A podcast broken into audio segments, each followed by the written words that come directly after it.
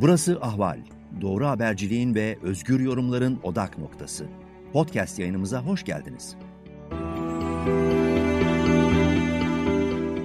Merhabalar, e, Gidişat'ta akademisyen e, Yektan Türk Yılmaz'la birlikteyiz. Hep e, daha böyle derin tarihsel konular konuşuyorduk. Senin söylediğin o çöküş sürecine gelmiş gibi görünüyoruz. Yani çökmüş bir şeyin fiilen hayata geçmesi süreci sanki. Ee, İçişleri Bakanı'nın e, mafya bozuntusu dediği Sedat Peker'in dördüncü YouTube kaseti de diyelim artık. Bunlar şey gibi oldu. Eskiden e, Alaaddin Çakıcı haber bültenlerine bağlanırdı. Onu beklerdik 90'larda. Şimdi Sedat Peker'in e, e, YouTube videolarını e, bekliyoruz. 3 ee, milyon civarı ortalama her bir videosu izleniyor ki Türkiye'de bunların toplu halde izlendiğini hesaba katarsak bir 10 milyon kişi en azından bu videoları görmüş durumda. Ayrıca haberlerini okuyor, sosyal medyada yorum yapıyor. Ee, geniş bir yankı uyandırmış durumda. Yani İsrail'deki e, çatışma ortamı, Kudüs'te yaşananlar Erdoğan'a bir iki gün gündemi değiştirme fırsatı verdi belki ama Sedat Peker bekleyip gününde bir daha darbeyi indirdi ve e, İsrail, Filistin, bayram, Covid her şeyi unutturdu bir anda.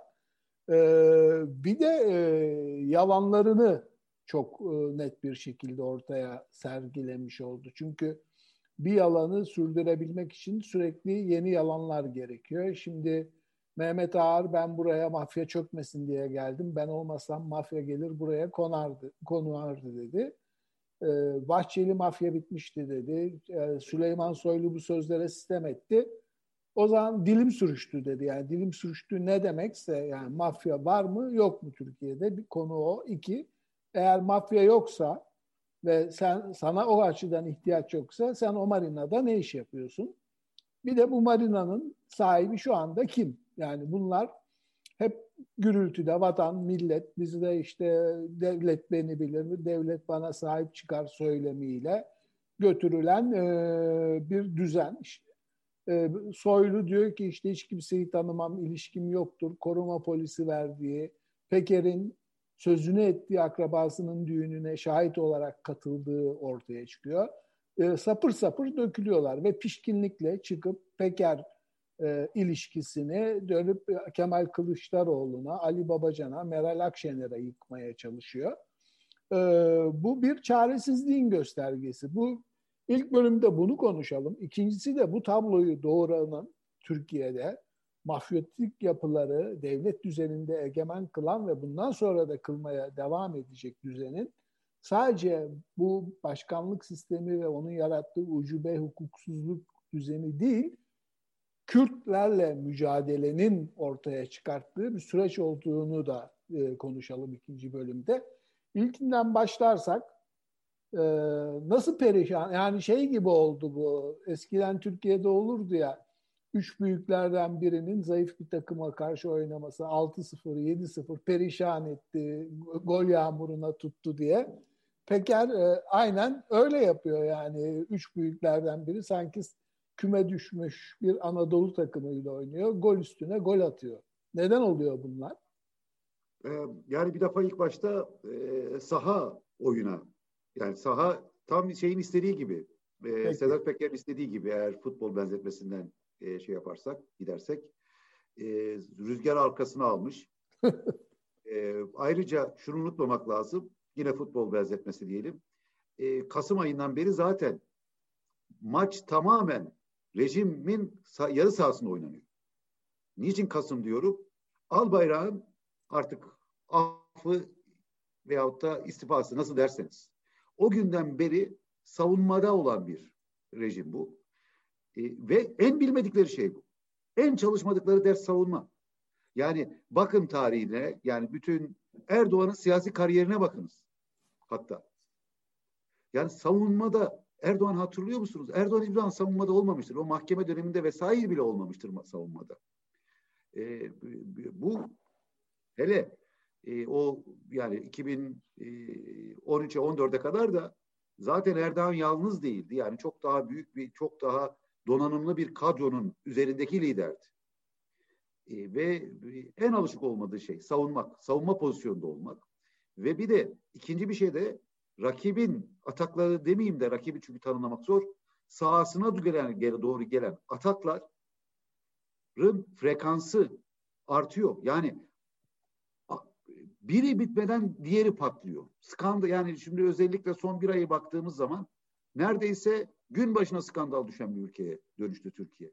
Yani burada bir şey oluyor. Ne olanı şu, evet çöküş. Hatırlarsınız ilk o ta, yani ben bu meseleyle ilgilenmem. Yani Türkiye, modern Türkiye siyasetiyle ilgilenmem. Biraz şu rejime borçluyum onu. Çünkü 2016'da özellikle bu 15 Temmuz sonrası neler oluyor diye. Yani ben to, e, kolektif şiddet çalışan biriyim.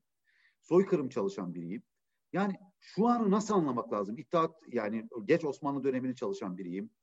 E, e, İttihat Terakat'ta kısmen Abdülhamit dönemi ve özellikle erken Cumhuriyet dönemi bakmış biriyim. Şimdi şu dönemi nasıl anlamak lazım diye e, başladım işe. Şu anda yani ben e, benim açımdan yani 2016'da itibariyle zaten 2017'de 2016 sonu itibariyle yazmaya başladım bu konu, konuyla ilgili. Yani tabii şu tabloyu görmek mümkün değil ama ben bu tabloyu hep tarif ettim. Yani çünkü bunun aynı toplumsal, aynı tarihsel kontekstler değil vesaire ama yani bunun benzerleri bir biçimiyle Çin'de, bir biçimiyle Sovyetler Birliği'nde, bir biçimiyle e, Kambo, e, e, Kızıl Kıverler döneminde Kamboçya'da yaşandı. Esas itibariyle kastettiğim nedir? Devletin iç savaşı. Bunun paranoyak bir siyasi e, kü, siyasi e, diyelim ki atmosfer ve kişi kültürüyle birleştiği zaman ne oldu? Ne oluyor biliyor musunuz efendim? Sonu gelmeyen bir iç oyulması oluyor. iç yıkımı oluyor. Ve sürekli lider sadakat peşinde koşuyor. Ve işin ilginç tarafı en sadık olduğunu düşündüğü kesimler tarafından altı sürekli oyuluyor. Ve bazen bu da hatta bazen bu da sadece ve sadece liderine liderini memnun etmek adına aşırılıkla yapılıyor. Çünkü bir korku iklimi ortaya çıkıyor ve bir fırsat çıkıyor. Neden fırsat çıkıyor? Çünkü devlet sürekli tasfiyeye uğruyor. Daha öncekiler yani e, şu veya bir şekilde elimine ediliyor. Kimi birçok örnekte tamamen ortadan kaldırılıyor. Ve bir yandan size sürekli bir yukarı mobilizasyon şansı yaratılıyor devlet içerisinde. Öte yandansa bir korku iklimi var. Siz de biliyorsunuz ki kelle gittiği için siz o koltuklara giriyorsunuz. Sizden öncekinin kellesi gitmiş. Ve muhtemeldir ki sizinki de gidebilir her. Yani bir avantajları var. Ee, Stalin Rusyası'nda olduğu gibi öldürülmüyorlar. Yani kenara atılıp e, unutulmaya mahkum ediliyorlar. Evet Ergun Bey çok haklısınız. Zaten bunu dinleyen kişiler şöyle anlaşılmasın. Ben şu dönemi Sovyetlerin 30'larıyla 40'larıyla kıyasladığım anlaşılmasın. Yok yok ben, yani siyasi atmosfer benziyor da fiili uygulamalar tabii ki dünyanın bir şey daha size söyleyeyim. Bir şey size söyleyeyim daha. Başka şey de benzemiyor orada. Mao kim? Bizdeki lider kim? Stalin kim? Bizdeki lider kim? Tabii hani, ikisi de yani büyük e, savaşlar geçirmiş cezaevinde. Bir davaya hayatını vakfetmiş. İşkenceler yani, görmüşler, hapis, Sibirya'da kalmışlar. Tabii ki. Uzun yürüyüşü düşünün. Yani hani bunlar gerçekten devrimciler. Yani diğeri ise bizdeki durumsa kendisine devrimci pozisyonu atfeden. Kendisini öyle varsayan ve toplumun da öyle kaybı e, kabul etmesini isteyen ve ne yüzünden? 15 Temmuz gecesi döktüğü kan yüzünden. Yani tabii ki kıyaslanamaz bir durum. Ee, daha bir başka daha örnek vereyim. Stalin'in oğlunu esir alıyorlar. Ve Stalin o oğlu esir alındığı zaman esir düşmeyi yasaklamış Kızıl Ordu'ya. Ve Almanlar bunun üzerine pazarlık yapmaya çalışıyorlar ve hiç tereddütsüz reddediyor. Stalin evet birçok kişiyi kesiyor vesaire falan ama ailesinin elemanlarını da kesiyor. Yani demeye çalıştığım şu. Yani biz de artık yani Darwin'e şöyle pozitif... bir şey vardı ama değil mi? Türkiye'nin e, devrimci bir döneme toplumsal olarak, sosyolojik olarak dönüşüme çok hazır olduğu bir döneme denk geldi e, Erdoğan. Tabii. Ama o şansı heba etti. Ee, Türkiye çok çok vahim yani bir şekilde 2000'lerin başında ona hazırdı Tabii. toplum. Tabii yani herhangi bir yöne gidebilirdi. Şu anda o zaman diyelim ki 3-5 seçeneği vardı. Şu anda Allah bilir ne kadar seçeneği var. Şu anki Türkiye'yi neye benzetirim biliyor musunuz Ergün, Ergun Bey? Ben böyle halı kilim meraklıyımdır. Böyle zamanında bir e, dil araştırmaları için bu Maraş falan o etraftaydım. Çok güzel bir gerar almıştım. Gerar dediği bu eski e, kilimlerdir. Kilim ama kilim dokunur. Bu buğday vesaire içine koymak için torbaya dönüştür ama uzun, büyüktür yani bunlar. Ben e, doktor yani doktora sırasında Amerika'ya götürmüştüm onu. 7-8 yıl şeyde kaldı bu. E, bir depoda kaldı. En sonunda buraya e, Almanya'ya getirdik. Açtık. Pırıl pırıl duruyor. Bir dokunduk toz oluyor aynı anda. Çünkü içine bir güve girmiş. Yani desenler vesaire bile duruyor. Türkiye şu anda o an, şu, o, şu Türkiye'deki devlet yapı mekanizması şu anda o durumda. Dediğim gibi yani kurumsal erime falan geçiniz. O geçti. Aynı o kilim gibi yani püf dediğiniz zaman dağılıyor. Ve şu anda Sedat Peker'in yaptığı püf demek. Hiçbir şey yapmıyor. Yeni bir şey bile söylemiyor. Bakın büyük ölçüde söyledikleri kamuoyunda bilinen bu Kolombiya'daki 5 ton dahil kamuoyunda şu veya bu şekilde bilinen e tabi işte Tolga Ağar'ın o tecavüz iddiası ve o genç kızın şüpheli ölümü. Yani zaten bir tane AKP milletvekili vardı evinde yine genç bir kadının şüpheli ölümü ve örtülmesi. İşte o küçük bir kız çocuğunun öldürülüp kaza suçu verilmesi. Hatta Burhan Kuzu'nun bir anda iki hafta içinde Covid'den ölmesi gibi bir sürü e, yani bir uyuşturucu kaçakçısı ile ilişkisinin ardından ölmesi gibi çok karmaşık ilişkiler var. Yani anladığım kadarıyla da e, yani Peker, e, Mehmet Ağar vesaire gibi bu devlet içinde e, çok önemli bir figür değil ama devletin önemli bir tetikçisi. Yani iktidarın kimi kirli işlerini işte e, muhtemelen Ukrayna'dan Suriye'ye silah ticareti dahil, Balkanlardan dahil e, bir sürü işin içinde olmuş. E, o paralarla belli ki bazı cihatçıların e, organize edilmesini, lojistik desteğinin sağlanmasını da becermiş. Birçok yerde kullanılmış şeyi hatırlarsan işte Suriye'deki terör, cihatçı teröristlere kamyonetler gönderiyordu Türk bayrakları. 50 tane mi 100 tane mi? Ee, yani o paraları cebinden vermediği şey. Şimdi birdenbire adamın mafyatik lider olduğunu e, iddia etmeye başladılar. E, acaba bir kere dönüp bu kadar kamyonet milyonlarca dolarlık yardımı yapacak geliri nereden buluyor? Bunun vergisini ödedi diye sordu mu bu devlet yani? Hayır. Mesela mesela bu dediğiniz soruyu bugün de soralım. Mesela Süleyman Soylu açıklamış, açıklama yapmış. Mehmet Ağar açıklama yapmış. Sorsunlar o soruyu mesela. Ya sen bu serveti nasıl yaptın diye bir soru sorsunlar mesela. Niye sormuyorlar? Sorsunlar aynen çok iyi bir soru. Diğer bir kısmına diğer kısmına gelince efendim Türkiye gibi bir devletin eğer Orta Doğu'da yani bir e, siyaset izliyorsa, sınırları ötesinde bir siyaset izliyorsa ve yani bu da bir kişine gidip suikast yapmak falan gibi yani bu bu eski dönemde e, söyleyin e,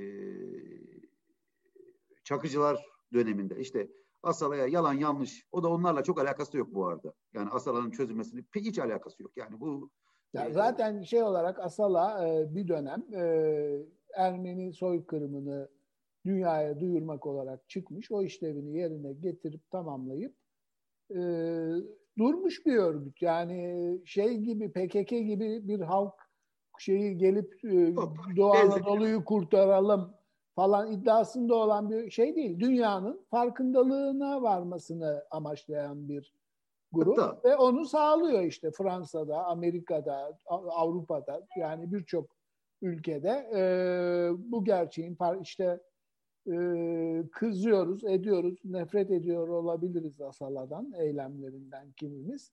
Ama bugün işte dünyanın 30'dan fazla ülkesi son olarak da Amerika Birleşik Devletleri Ermeni soykırımını kabul ettiyse o e, grubun eylemleri sonucu e, oldu. Yani insanların bilmediği, duymadığı, görmediği bir yani Yahudi soykırımından sonra iyice baskılanmış, kenara atılmış bir tarihsel olaydı.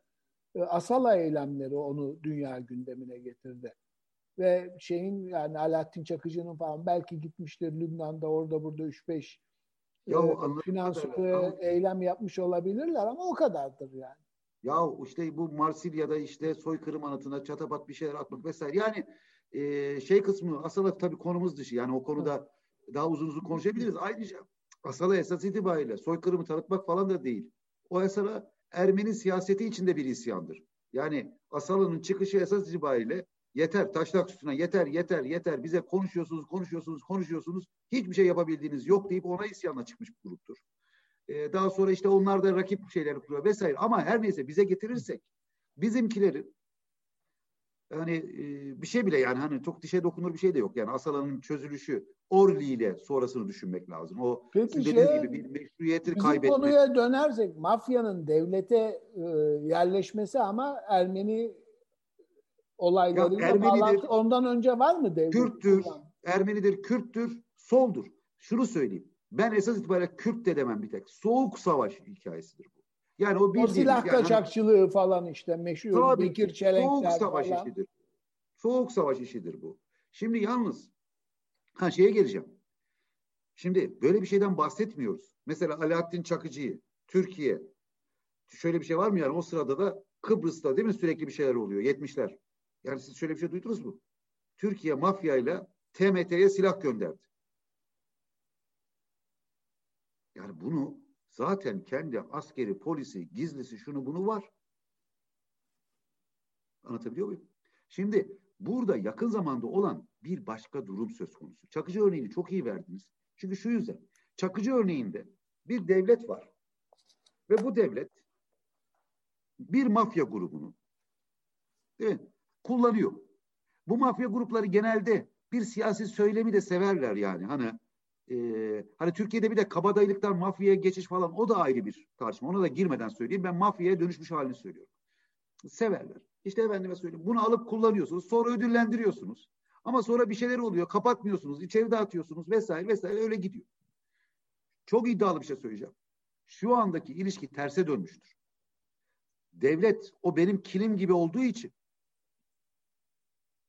mafya devleti efektif bir şekilde kullanıyor.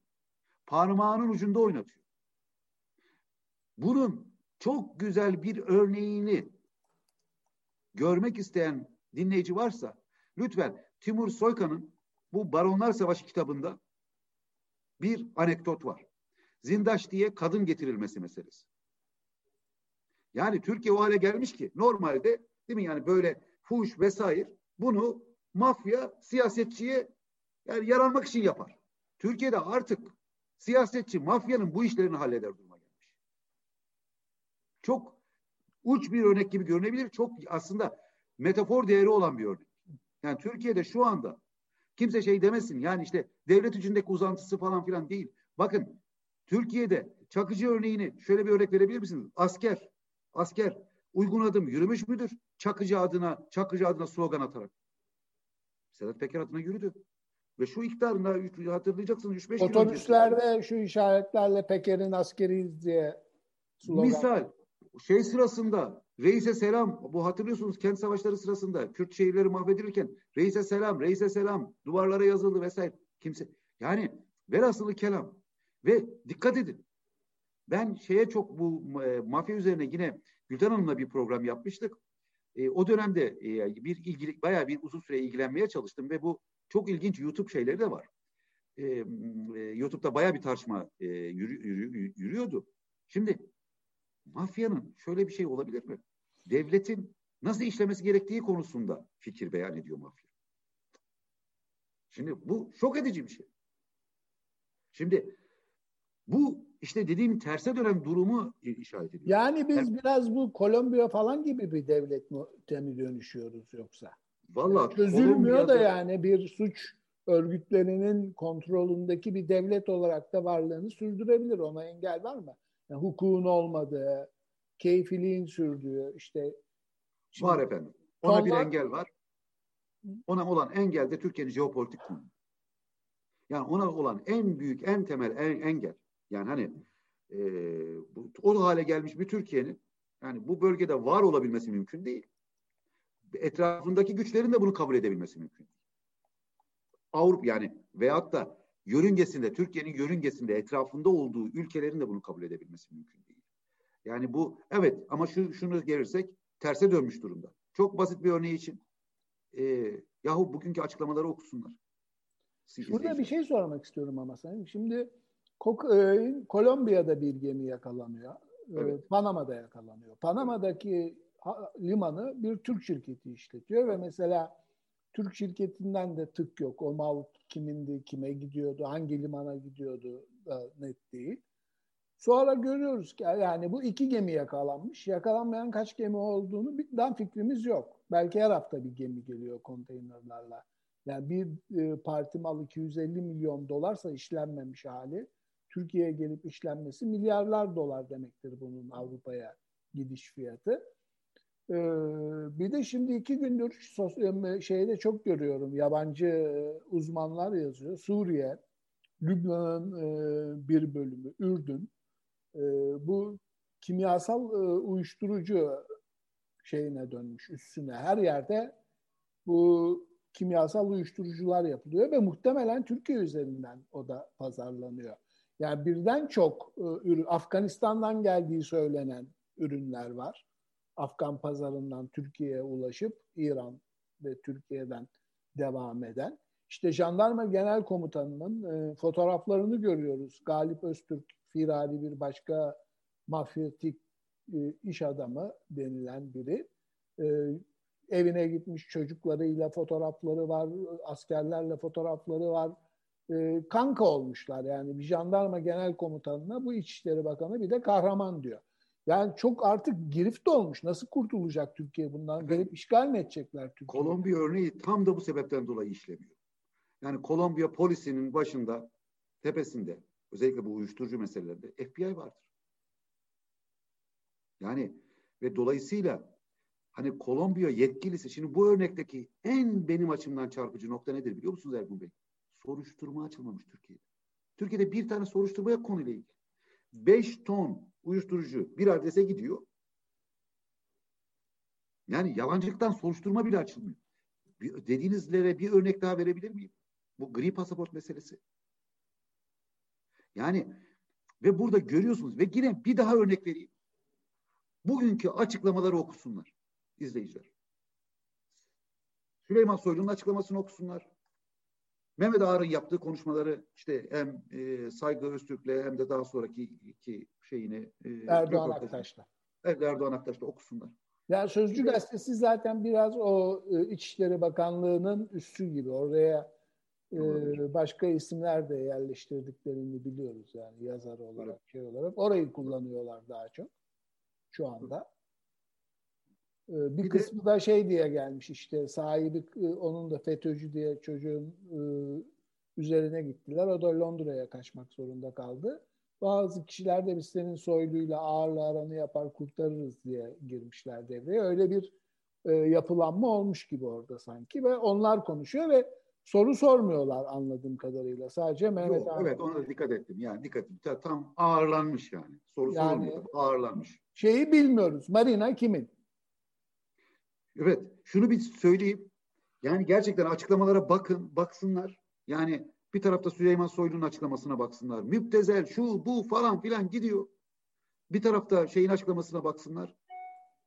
Ee, e, Mehmet, Mehmet Arif. Öbür tarafta şeyi dinlesinler. Peker'i. Ee, Peker'i dinlesinler. Ve sorun bakalım insanlar. Bunların hangisi siyasetçi hangisi mafya? Ya birçoğunun kafası karışır. Yahut da birçoğu e, Sedat Peker herhalde siyasette bunların arasında ilgileniyor der. Bir de yani, yani Peker'inki sakin ve şey yani hakaret etmiyor. Ya bir süslü dedi bir de bir şey daha. Ulan dedi. ulan lan lan ulan diyor. Her neyse yani ama yani öbür tarafta bir de şeyi de samimi yani ben alakasız yerlere getirmek HDP PKK yani ne ale anlatabiliyor muyum? Yani e, hani ya bu dünyadan haberi yok diyebilirsiniz yani onlara bak. Ne anlatıyor bu? Yani konuyla alakaya niye gelmiyor? Öbür türlü Çakıcı'nın mesela ben Çakıcı olayında da söylemiştim bunu. Yani Çakıcı'nın MHP'linin lafıyla Kılıçdaroğlu'nun peşine mi gitti veyahut da rejimin lafıyla ya tersi mi oldu? Bence bunu oturup iyi düşünmek lazım. Yani Çakıcı mı onu yaptığı için bu işler buraya geldi? Ve şunu yani Türkiye gerçekten bu ilişkinin dünyadaki mafya devlet ilişkisi şu anda Türkiye'de terse dönmüştür. Ee, yani bu şimdi bu ne anlatıyor bize? Ve bu Türkiye'de çöküş dedik yani ve bu şimdi diyelim ki cisim atmosferden girdi e, ve yana yana parçalana parçalana dökülüyor ve bu dökülmelerin daha arttığını görüyoruz. Paniğin arttığını görüyoruz. Bir de efendim Ergun Bey şimdi o, o soruya cevap vermeden önce bir şey daha söylemek lazım. Şimdi devleti şöyle düşünün. Özellikle bunu e, genel anlamda bakmak istiyorsak e, bir e, 2000'li yılların 2007-2008'den başlatabiliriz. Yani bir 14 yıllık döneme bakabiliriz. Daha spesifik bakmak istiyorsak e, iki, e, 19, e, 2012-13'ten bu yana bakabiliriz. Tam bu döneme bakmak istiyorsak 2016'dan bu yana bakabiliriz. Şimdi şöyle düşünün. Bir diyelim ki bir şeyi siz bir e, şöyle sallayabileceğiz hani kokteyl falan yapıyorlar ya. Onun içine konulup sallanılıyor. Yani diyelim ki envai çeşit sebze, haşlanmış sebze vesaire her neyse sallıyorsunuz. Ve sallıyor, sallıyorsunuz, sallıyorsunuz ve şu anda sıvılaşmış durumda. Kimin ne olduğu bile belli değil. Türkiye'yi şuna benzetebiliriz bu noktada. Şu gidişatla. Kaptan pusula bilmiyor, yol bilmiyor, deniz bilmiyor. Ve taşıdığı yük de sıvı, sıvı yük taşıyor ve konteynerlara ayrılmamış. Bu ne demek biliyor musunuz? Uçak, gemi batma eğilimindeyse her şey o tarafa doğru akabiliyor. Şimdi şu örnekte biz ne sanıyorduk? Bir tarafta bu Peker meselesinde bir tarafta da, e, al bayrak var bir tarafta söyleyin siz. Süleyman. E şimdi baktık ki hiç resim öyle değil. Kimin kim olduğu belli değil. Bakın Ergenekoncu diye tabir edilen gruplar. Önceden bunlar bir bloktu. Peki o sallama hareketi nasıl oluyor biliyor musunuz? İşte dediğim gibi korku ve olanaklar. İkisi aynı anda sıvılaştırdı. Bu Erdoğan burada kendini güçlenmiş hissediyor olabilir ama tam tersi oluyor. Yani aşağıda öyle hareketlikler oluyor ki kendi altında öyle bir hareketlikler oluyor ki kontrol etmesi artık mümkün değil bu şey hali. Şimdi bu e, Türkiye'de e, yani bu devletin kuruluşunda mafya var biliyoruz. Yani Ermeni soykırımında işte cezaevinden çetelerin, tecavüzcülerin, katillerin e, salınıp bu işler için organize edildiği tarihsel bir gerçek. İşte Topal Osman diye bir karakterin Karadeniz bölgesinde Pontuslara neler yaptığı, sonunda Mustafa Kemal'in bile başına bela açan bir e, tipe dönüştüğü de biliniyor. Yani e, belki dünyadaki tüm ülkelerden eski olarak hatta Gladio örgütlenmesini e, ilham kaynağı olacak bir e, kuruluş öyküsü var bu devletin. Hiçbir zaman aslında e, tam vazgeçmemiş o ilişkiden değil mi? Yani devlet olarak e, kriminal kimlikleri yani filmlerde görürüz işte bir tane e, çılgın katili CIA alır, eğitir, e, tetikçi olarak kullanır falan. Bu devlette bizim yerleşik bir şeymiş yani. Kuruluşundan. Ya bu arada o dönemle evet o dönemle ilgili Ryan e, Gingeras'ın o zaten Afal'de de birkaç podcast yaptı. Çok iyi çalışması var. Mutlaka tavsiye ederim. Bu e, yani o erken dönem e, Cumhuriyet dönemi, mafya, uyuşturucu vesaire ilişkileri çok çok e, çok iyi bir çalışması var. Yani dinleyicilerden ilgili olanlar varsa tavsiye ederim. Bu doğru ama her mafyaya da mafya dememek lazım. Yani çünkü mafya sürekli biçim değiştiremiş. Bir de orada devlet daha hakim ve güçlü yani değil mi o tabii, dönemde? Tabii devlet Dev... bunları toparlayabiliyor. Veyahut da şöyle söyleyeyim. Tasfiye bunlar biraz az tasfiye de edebiliyor istediği zaman. Edebiliyor, edebiliyor. Ayrıca şöyle söyleyeyim. Bunlar lokal güç odakları. Mütegallibe. Bunlar yani dediğiniz gibi mesela Topal Osman'ın bir yöresi var. Şimdi Çakıcı'nın bir yöresi yok. Çakıcı'nın yöresi artık Türkiye. Anlatabiliyor muyum? Yani hani bunlar hani e, yerel e, kolluk kuvveti dışı yerel ileri gelenlerin veyahut da yerel diyelim ki e, e, güç sahiplerinin temsil buldukları şeyler değiller. Güçler değiller artık. Hani bu defa bir defa bu e, ülke çapında faaliyet gösteren ve işte marina ve ve bir çeşit değil her işle uğraşan e, bir kesim. E, bir de tabii e, diğerini demin söyledim biraz daha detaya inmek lazım. Yani bir de tabii soğuk savaşla beraber bu kesimlerin soğuk savaş, MHP ve mafya meselesini tekrar tekrar düşünmek gerekiyor. Çünkü bugüne gelen yolda çok önemli bir kırılma noktası o. Hatta belki belki şöyle bir ilgisi olabilir. İzleyiciler çok merak ediyorsun yani e, belki o gözle bakmamışlardır. Mesela Ağır Roman bunu anlatıyor aslında değil mi? O meşhur film. Evet. E, e, nasıl sokak sokaktaki bir e, kabadayı Ağır abiden e, bağlantılı e, mafya ve e, kontra tipi diyebileceğimiz bir şey çıkıyor ortaya. Karakter. Çıkıyor.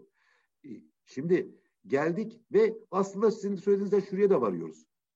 Fırsatınız yaşta. Yani Türkiye soğuk savaş sonrasında pusulasını kaybetmiş bir ülkeydi. Yani ne yapacağını bilemedi çok fazla. Yeni duruma çok kendisini adapte edemedi.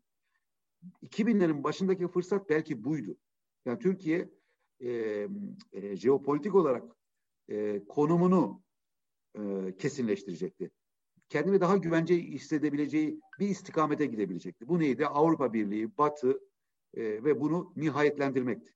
Bu trenler tabii çok fena kaçtı ve şu anda da e, şu anda da artık yani bu bahsettiğiniz mafya, mafya güçsüz, çözülmüş, e, lime, ol, lime olmuş bir devlette tabii ki mafya parmağının ucunda oynatıyor ve e, işte bir e, eski ve diyelim ki e, bir e, diyelim ki e, mafya lideri diye bilinen bir kişi çıkıp konuştuğu zaman Türkiye zangır zangır titriyor. Hele iktidar çevresi nasıl titriyor?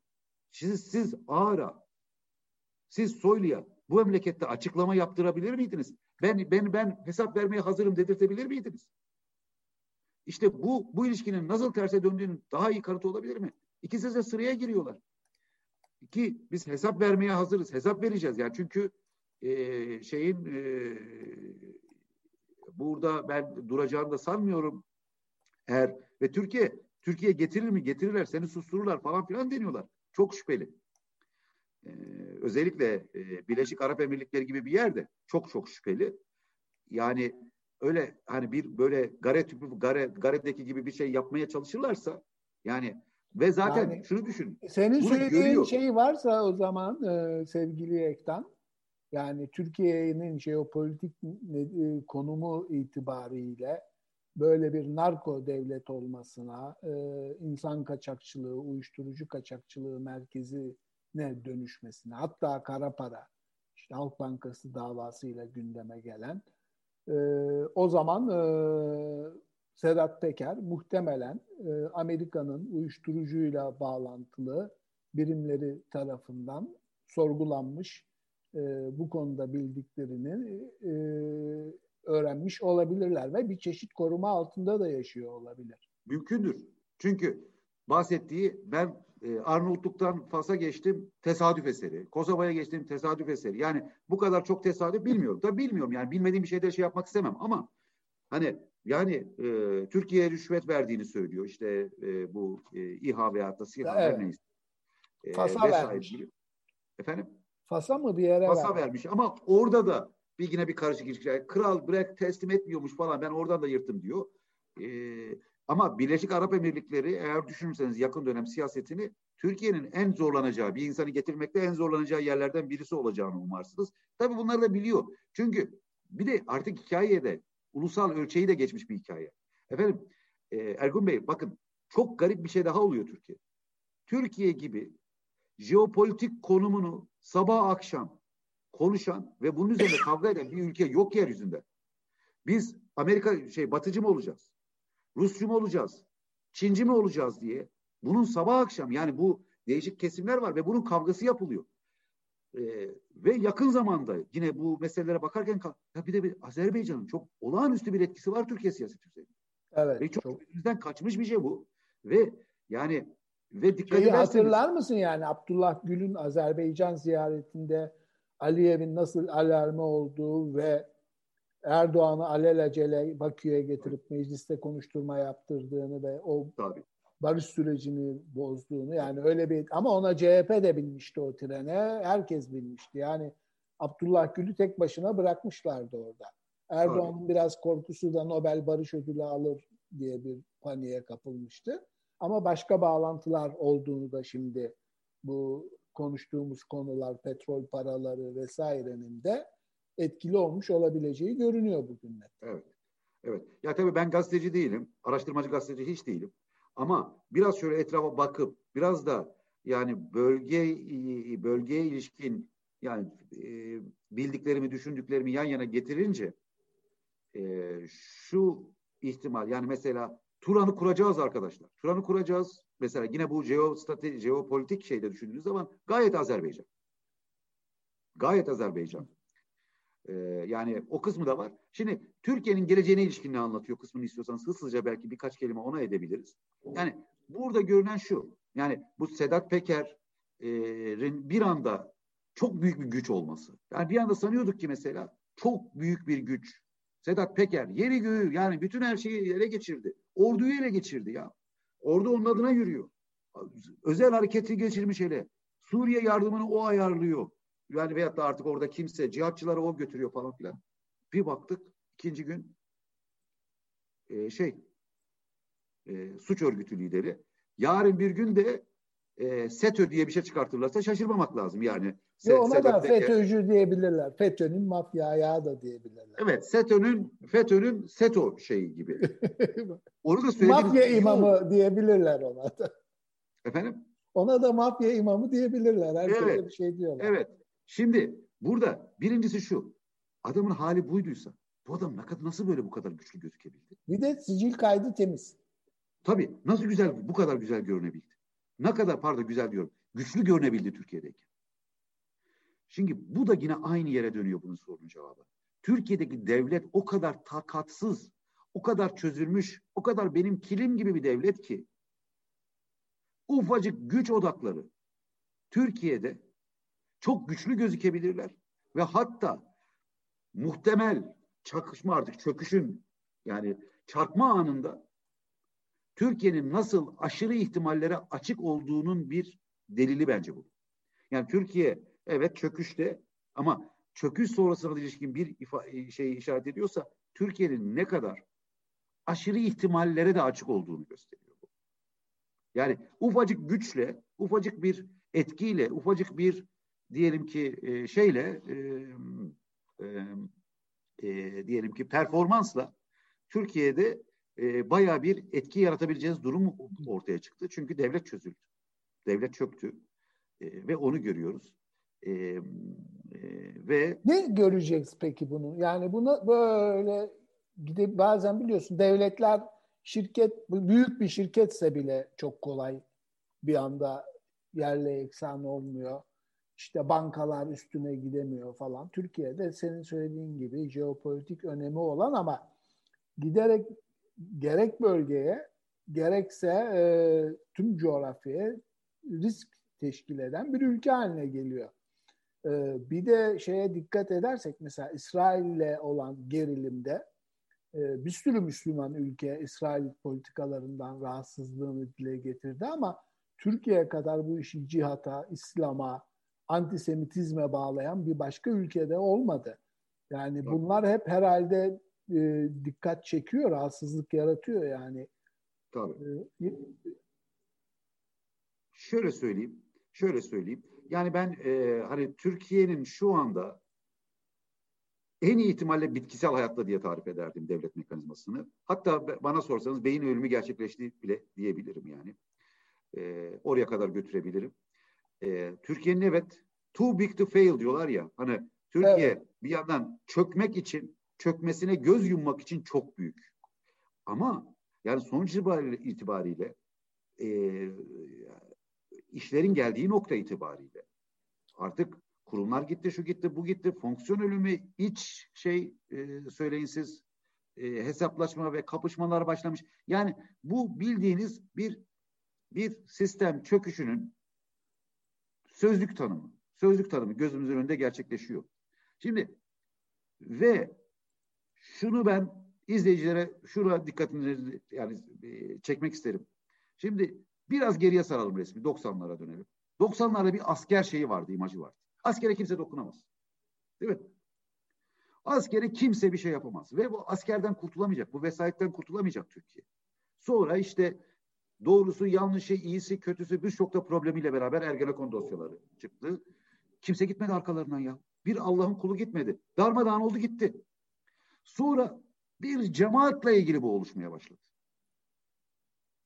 Tamam. Cemaat polisi zaten kontrol ediyor diye düşünüyordum. Asker şeyi e, askeri o kadar bilinmiyordu ama yargı zaten ellerinde diye biliyorduk. Ayrıca tabanları var vesaire falan filan. Bu yakın zamanda da biliyorsunuz tartışılıyor. Hatta sizin yayınlarınızı da takip ediyorum. Yani e, çünkü çok benim bildiğim bir grup değil cemaat ve öğreniyorum yani yakın zamanda öğrenmeye devam ediyorum. İhsan ee, Yılmaz bak- bayağı ilginç şeyler anlattı çünkü. Evet. Bir baktık ki bir tek şey e, hem bir de bir de tabii gazeteci Ahmet Dönmez var sanırım. Ona da bakıyorum evet. sıra. E, bir baktık ki asker kağıttan kaplanmış. Burada daha vahim bir vaziyet o vaziyet ortaya çıktı. Nasıl olduğunu bile bilmeden yok oldu bu grup ve yerden kazındı. Politik kırma uğradı. Şimdi ve şunu söyleyeyim. Bu iki bahsettiğim grup da çok daha mütetesis yani çok daha donanımlı, çok daha köklü bir ekip.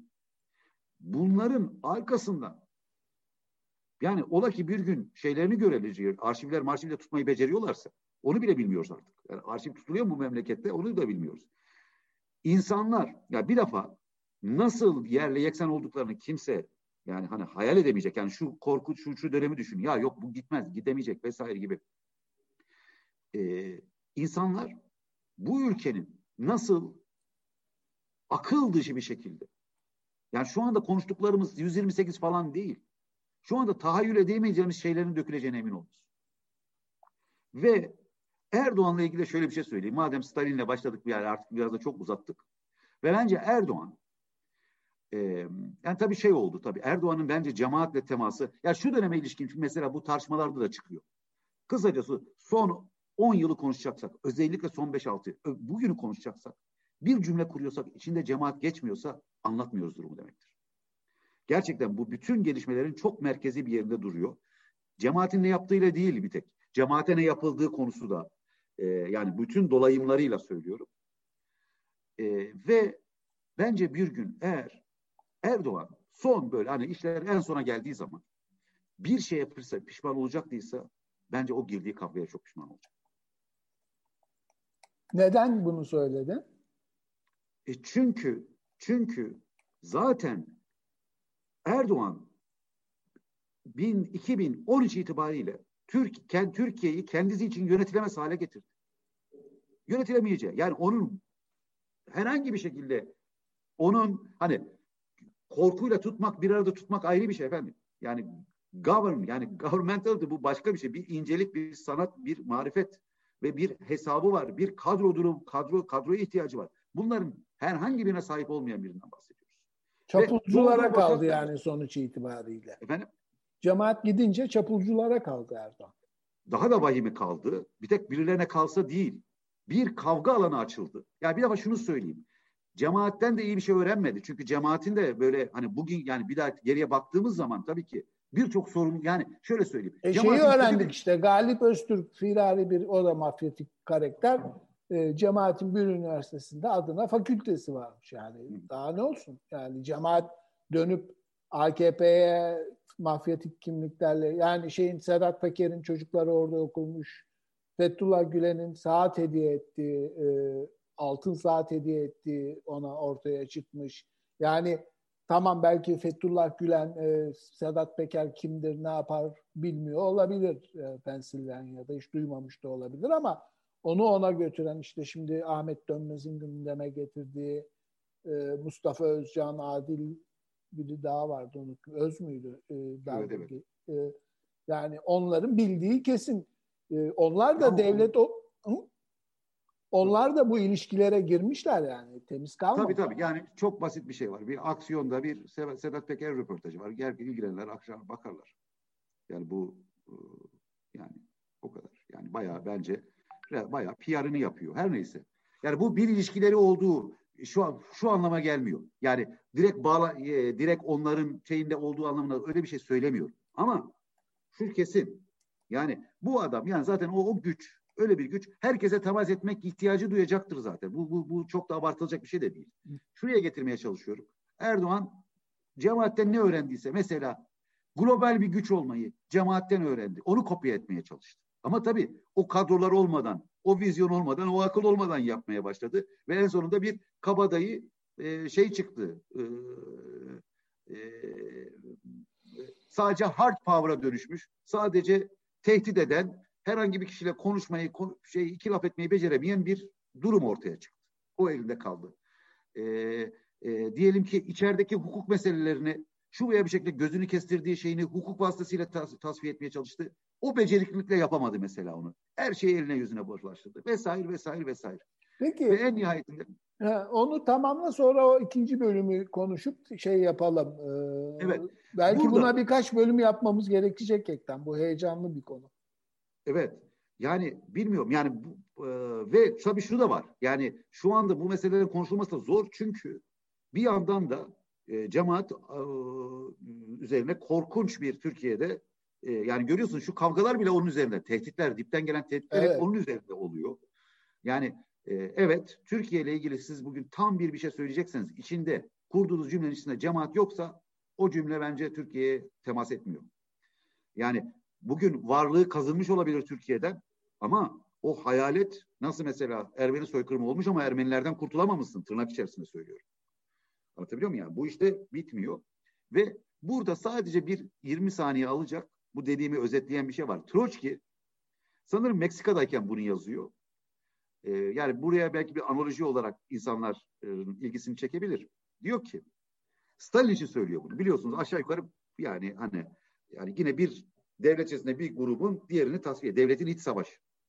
Diyor ki Stalin'in aklı sadece menzil mefhumundan mahrum değil, mantıklı düşünmeye bile kifayetsizdir. Burada bir yere, burada arkadaki ekrandan okumaya çalışıyorum. Söyleminin her tabiri anlık pratik bir amaç taşır. Ancak söylemi bir bütün olarak hiçbir zaman mantıklı bir kurgu seviyesine erişemez.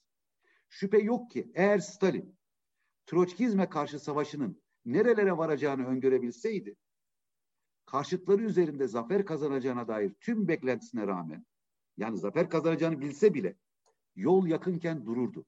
Ama hiçbir şey öngöremedi diyor. Bence Türkiye'deki yani Erdoğan liderliğinin yaşadığı e, trajedi diyeceğim. Çünkü bu trajediye doğru gidiyor bu iş. E, trajedinin e, yerinin yani çok benzeri bir e, şey e, tarih. Abi. Peki bir belki onun için ayrı bir e, program yapmamız gerekecek seninle ama e, bu atmosferi yaratan cemaatle savaş kadar e, Kürtlerle yürütülen de savaş. Her şey işte bir fethediyorsun aslında bir de PKK.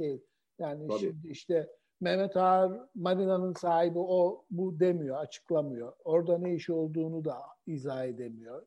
Şimdi biz biliyoruz ki işte Mehmet Ağar'ın e, Muğla'da araç ölçüm cihazı var. 15 sene önce 30 milyon dolar ediyordu. O fiyata alınmıştı. Şimdi belki 300 milyon dolar ediyor.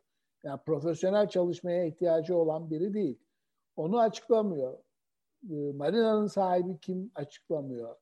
Masimov ne oldu açıklamıyor. Ya yani 10 kere gitti geldi diyor. Sen 10 kere gitmiş gelmiş bir FETÖ'cü olarak bildiğin bir adam.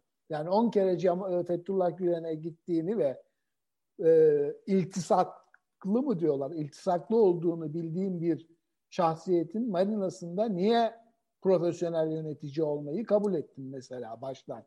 Bu sorulmuyor kendisine. Çünkü gazeteciler hep e, ikramda bulunuyorlar ona ve e, topu pası verip çekiliyorlar. E, ne diyor? Vatan, millet, Sakarya. Yani Türkiye'de hep bu vatan, millet, Sakarya hainler, bölücüler, bayrak inmez, ezan e, durmaz falan. Yani burada e, pazar günleri falan kilise şanları çok çalıyor. Daha bir tek siyasetçi duymadım ki çıkıp bu kilise çanları susmayacak, hep çalacak desin. Kanada bayrağı inmeyecek. Ama yani bu absürtlüğü sağlayan bir e, çatışma ortamı var. Türkiye barışı sağlayamazsa yani hep söylüyorum 10 sene sonra yeniden bir e, Sedat Peker, bir Alaaddin Çakıcı, bir Mehmet Ağar, bir Süleyman Soylu çıkacak yani değil mi? Bu çok, çok kirli haklı. savaş diyecek ki vatan için yapıyorum. Bu kokaini kaçırıp bilmem ne den silah almamız lazım. Devlet ona onay verir. Çok haklısınız. Yani bu Çok hep haklısınız. olacak yani. Tabii tamamen katılıyorum. Tamamen katılıyorum. Yani siz e, o o gibi bir e, gerilim ve e, ve açıkçası kirli iş yapmadan baş edemeyeceğiniz, haksız olduğunuz, çok ne söyleyeyim, haksız olduğunuz ve kirli işlere bulaşmadan baş edemeyeceğiniz bir gerilimi tutuyorsanız şöyle bir benzetme yapsam acaba ne dersiniz? Yani Kürt meselesi, daha öncesinde tabii ki Soğuk Savaş döneminde antikomünizm vesaire falan bu bu bu bahsettiğimiz kontrgerilla mafya artık bir ekip ya bunlar bir de birbirine çok e, ayırt edilemez de şeyler, işçe geçmiş şeyler. Bunları var eden referanslar. Kürt Savaşı, antikomünizm, şu mama yediren paylaşım içinde paylaşım anı ise paylaşım yeri ise cemaat. Yani şu anda mesela baktığınız zaman Türkiye'de 1915'teki mülkiyet dönüşümüyle neredeyse karşılaştırılacak miktarlara yaklaşacak. Milyarlarca dolarlık şey var yani işte Boydaklar, Akın İpek, bizim ya inşaat şirketleri. Tabii ki. Tabii ki. Kelam- baklavacılar bile gitti ya. Düşünsene o koskoca ünlü Güllüoğlu markasını hiç ettiler.